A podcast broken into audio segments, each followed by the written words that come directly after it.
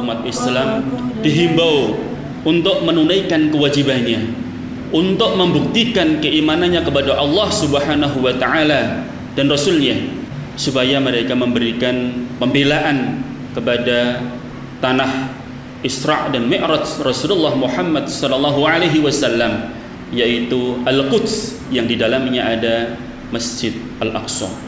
Kami ingatkan bahwa tanggal 14 Mei 2018 Presiden Amerika Serikat Donald Trump memindah ibu kota Israel ke Yerusalem. Bersamaan dengan itu juga Amerika memindah duta besarnya dari Tel Aviv menuju ke Yerusalem. Yang itu merupakan kota suci umat Islam. Tanah wakaf umat Islam yang telah diserahkan langsung kepada khalifah ketika itu yaitu Umar ibn al-Khattab radhiyallahu anhu di mana semua umat Islam memiliki kewajiban untuk mempertahankannya sampai titik darah yang penghabisan.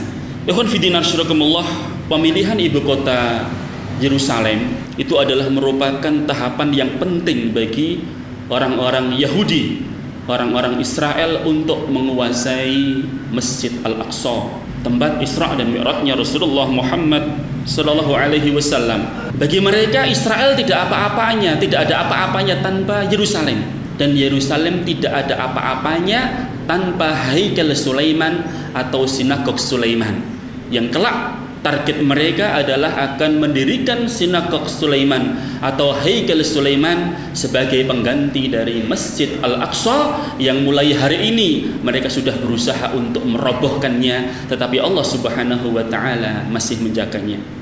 14 Mei bukan tanpa alasan mereka memilih tanggal tersebut karena tanggal tersebut adalah tanggal dideklarasikannya negara Yahudi Israel tahun 1948 di mana mereka telah menguasai Palestina yang telah sah dimiliki oleh umat Islam setelah diwariskan turun temurun sampai kepada Umar bin Khattab radhiyallahu anhu. Setiap tanggal 14 mereka selalu merayakan hari kemenangan mereka dan tanggal 15 satu hari setelahnya adalah merupakan hari penderitaan umat Islam yang ada di Palestina hari kesengsaraan umat Islam yang ada di Palestina ikhwan fidina syurakumullah mereka memilih tanggal tersebut. Memilih waktu-waktu yang disakralkan sebagai bentuk balas dendam atas kesalahan kekalahan-kekalahan mereka. Dulu ketika Rasulullah Shallallahu Alaihi Wasallam melumpuhkan mereka, mengalahkan mereka, menghancurkan mereka, menaklukkan mereka, mengepung benteng-benteng mereka di Khaybar. Rasulullah Shallallahu Alaihi Wasallam beserta pasukannya berhari-hari menaklukkan satu demi satu benteng-benteng yang dikuasai oleh Yahudi di Khaybar. Akhirnya Rasulullah Shallallahu Alaihi Wasallam beserta kaum muslimin bisa menaklukkan benteng-benteng tersebut. Mereka merasa kalah dan mereka bersumpah akan kembali merebut apa yang dulu telah mereka miliki. Sehingga ketika mereka masuk ke kota Palestina, masuk ke negeri Palestina tahun 1967, komandan mereka memerintahkan kepada pasukannya untuk meneriakkan yel-yel Muhammad telah mati, Muhammad telah mati. Muhammad tidak meninggalkan kecuali perempuan-perempuan dan orang-orang yang lemah. Maka ikhwan fillah syadakumullah kaum muslimin yang ada di Palestina mereka tidak putus asa.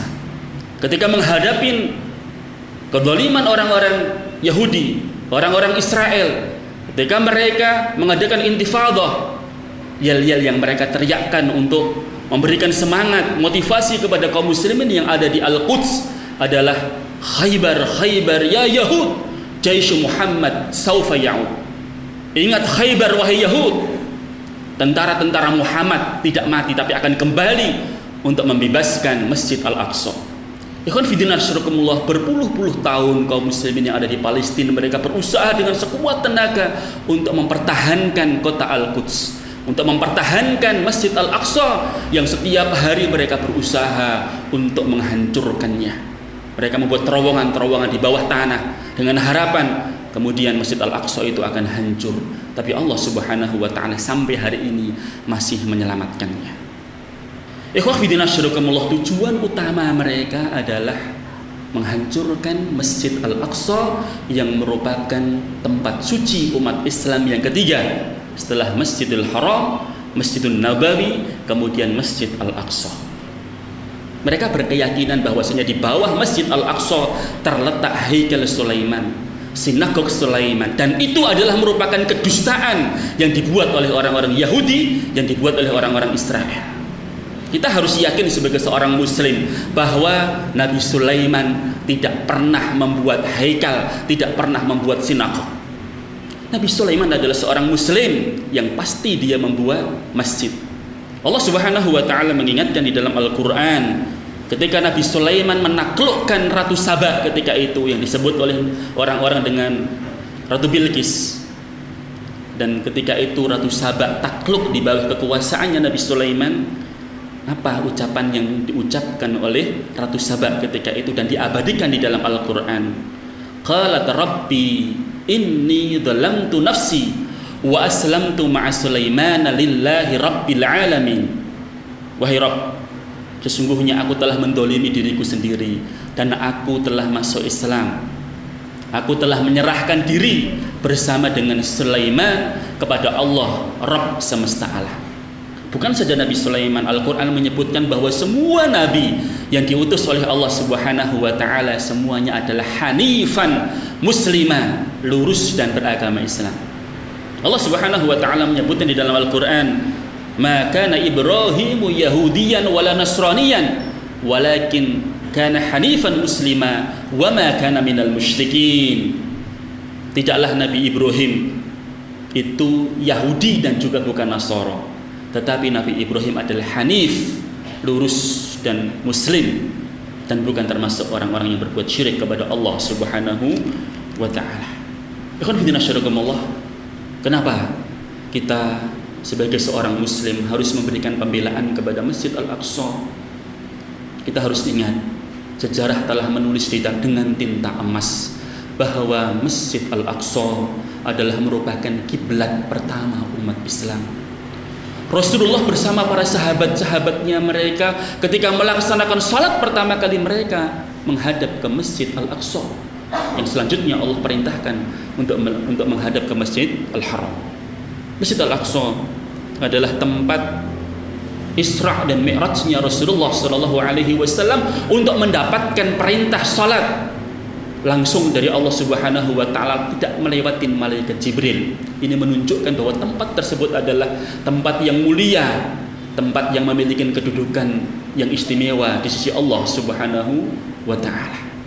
Masjid Al-Aqsa yang terletak di negeri Syam adalah merupakan tempat Nabi Isa alaihissalam nanti akan turun di akhir zaman yang memiliki tugas untuk menghancurkan salib-salib di seluruh dunia membunuh babi-babi kemudian menerangkan kepada semua manusia ketika itu bahwa dirinya diutus oleh Allah Subhanahu wa taala untuk turun ke muka bumi agar mengikuti Rasulullah Muhammad sallallahu alaihi wasallam. Sehingga ketika beliau diperintahkan untuk menjadi imam saat itu beliau tidak mau.